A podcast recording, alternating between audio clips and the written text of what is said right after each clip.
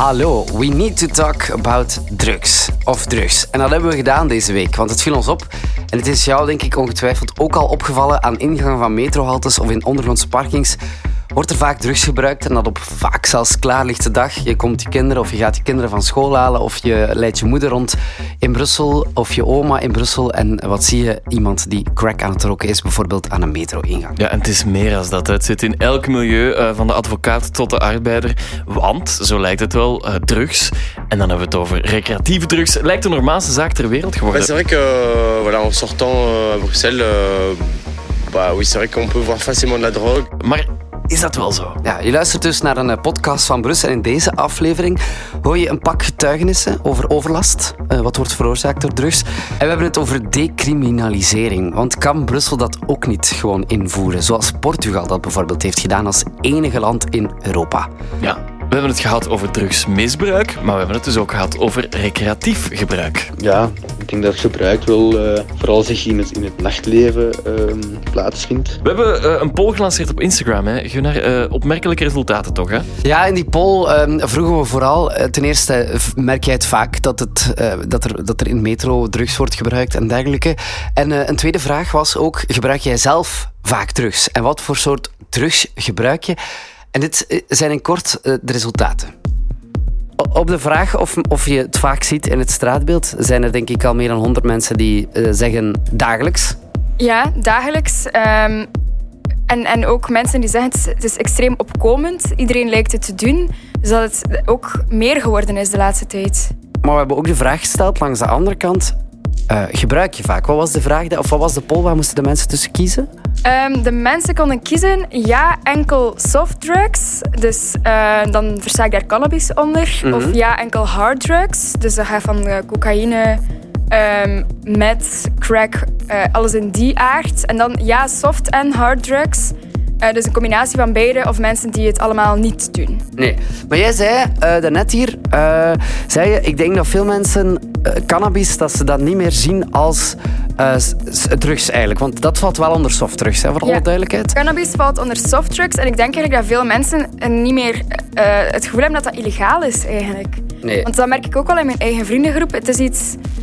Um, die drempel is heel laag en zelfs op café of op een feestje um, wordt dat buiten gedaan alsof dat, dat eigenlijk allemaal um, ja, legaal is, als, als ja. dat mag. Heel veel mensen die, die, die ik ook ken, die dat dagelijks doen, zonder namen te noemen, die dagelijks uh, uh, cannabis gebruiken. Ja, in, in, mijn omgeving is dat ook het geval. Ja, en het dan met cocaïne bijvoorbeeld in jouw omgeving?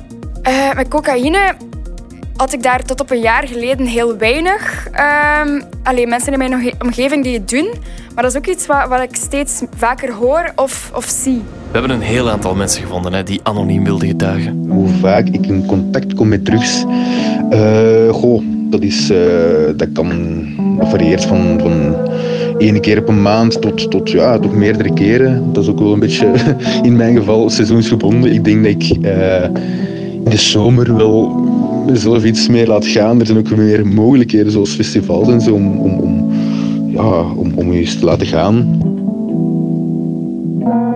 Ik ga binnenkort beginnen met microdosing, um, omdat ik het eigenlijk een beetje gehoord heb van mijn omgeving, dat dat heel veel deugd kan geven op mentale geest en uh, innerlijke welzijn en zelfvertrouwen in zich.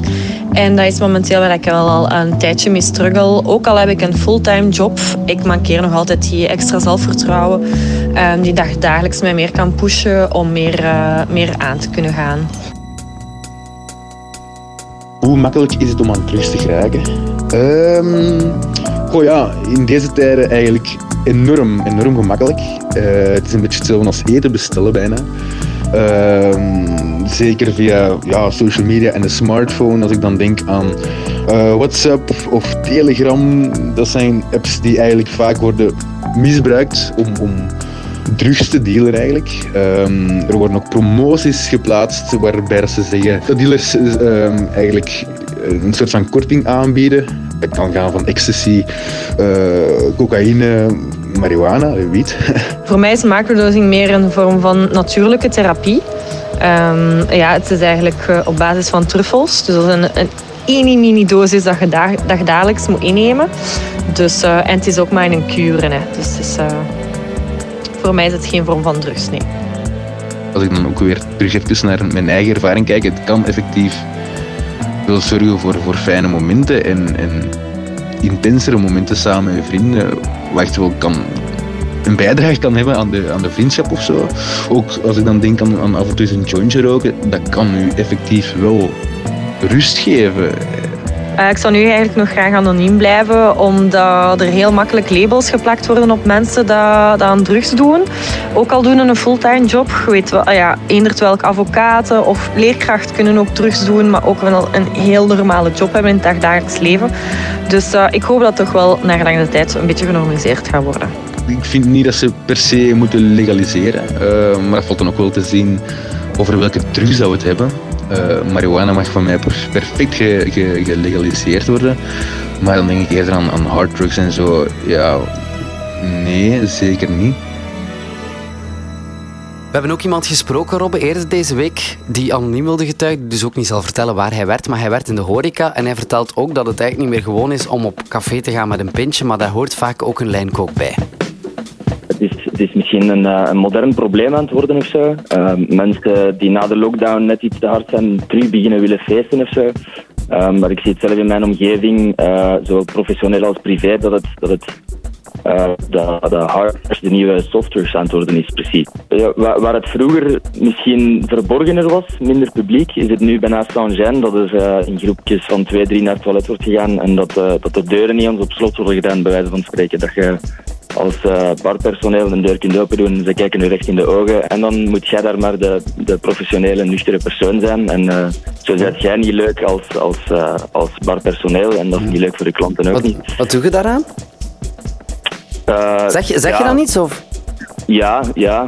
Ik, ben, ik geef graag tweede kansen, dus ik zeg volgende keer is buiten. Maar ik ken andere cafés of, of bars of clubs waar het gewoon direct buiten is of waar het meer getolereerd wordt vooral cocaïne in de, in de bars in het centrum.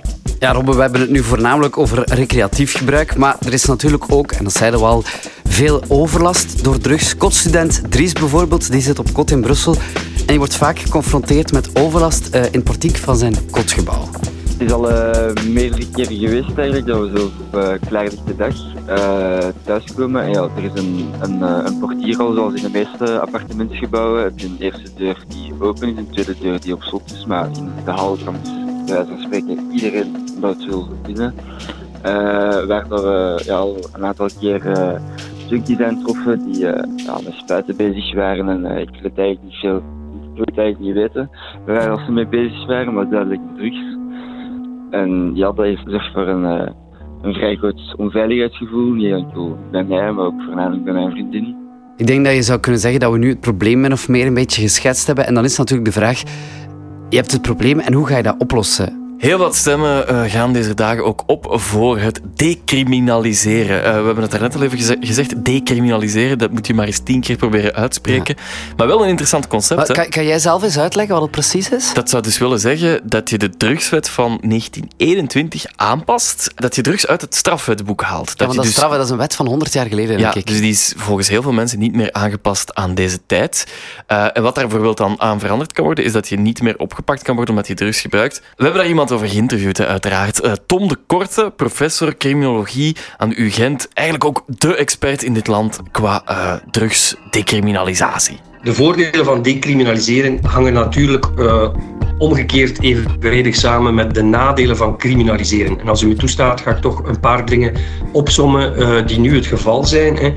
We weten dat het, het, het, bestraffen van gebruik eigenlijk geen enkel effect heeft en geen enkele indruk maakt. Hè. Dus dat uh, het feit dat we zeggen het is strafbaar om drugs op zak te hebben of om ze te gebruiken, dat heeft geen enkel effect op gebruikspatronen in onze samenleving. Dat hebben jullie deze week in Brussel ook vastgesteld. Als je dat bezit en gebruik criminaliseert, dan vergroot je eigenlijk de risico's van dat gebruik. Uh, je vergroot het risico op heel risicovol gebruik, zoals injecteren of intraveneus gebruik.